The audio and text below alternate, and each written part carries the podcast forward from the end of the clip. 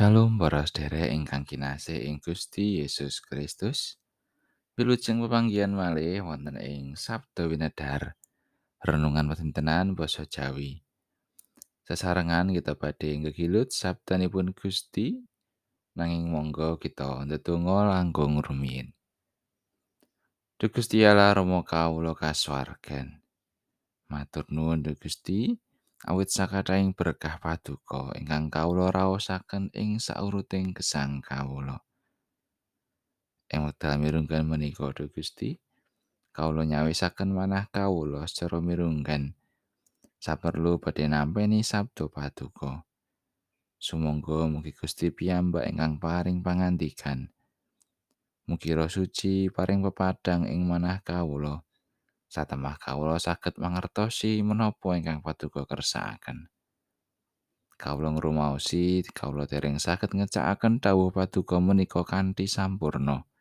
Mugi Gusti kersa paring pangaksami. Wonten ing asmanipun Gusti Yesus Kristus, kawula ndedonga lan saos syukur. Amin. Wawasan kapendet saking serat setunggal Tesalonika bab gangsal ayat setunggal ngantos sewelas. Nanging para sedulur, mungguh mangsa lan wayahe ora perlu dak tulis marang kowe. Amarga kowe wis padha sumurup dhewe kelawan cetha. Yen dina rawe Gusti iku tekane kaya maling ing wayah bengi.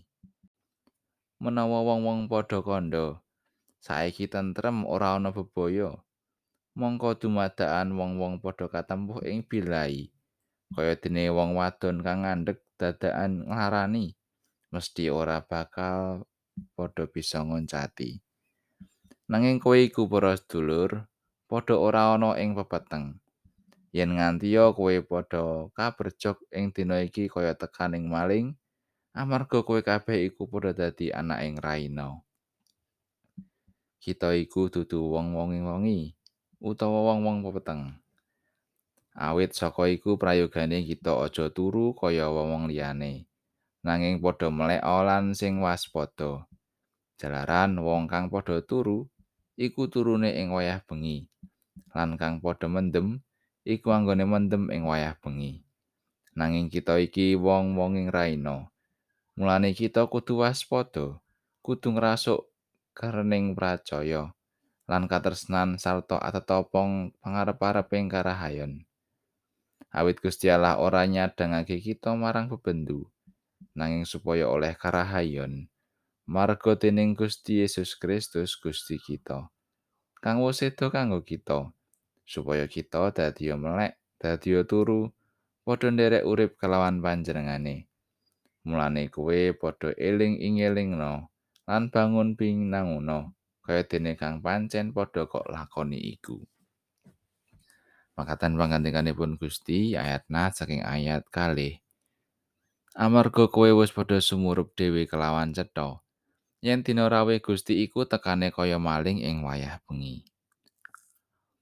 Mataun-taun gesang sesarengan nembe tunggal dinten boten pinanggih.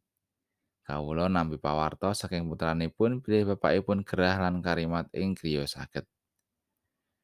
Mboten utawis dangu bapak kala wau dumugi griya sakit, nanging dereng pikantuk dipun tuweni dereng sinten kemawon kejawi semah lan para putra.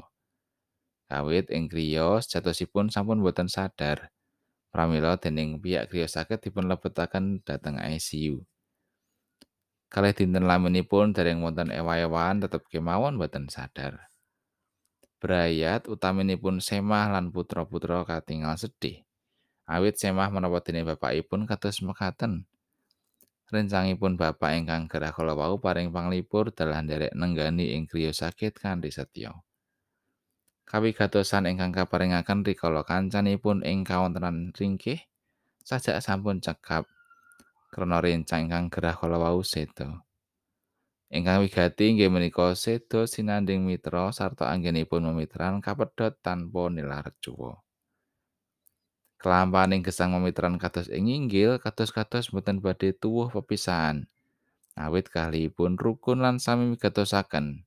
Menapa langkung lan kirangipun nanging ngrembak babagan timbalanipun Gusti sedaya manungsa ingkang gesang ing alam donya menika tentu sarujuk. Bilih sedaya panguwaos sing gesang lan pecah namung ing Gusti Allah, mboten wonten sanesipun. Mila sumangga pangandikanipun Allah, bilih yen dina rawuh Gusti iku tekane kaya maling ing wayah bengi. Sumangga jumoga kanthi mranata tumuju ing ewa-ewaning gesang langkung prayoga. Amin.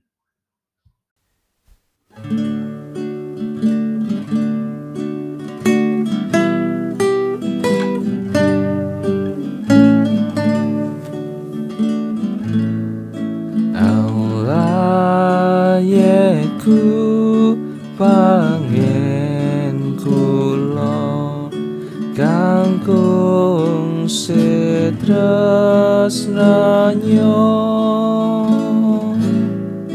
kula tansah rene matan srana kung katarman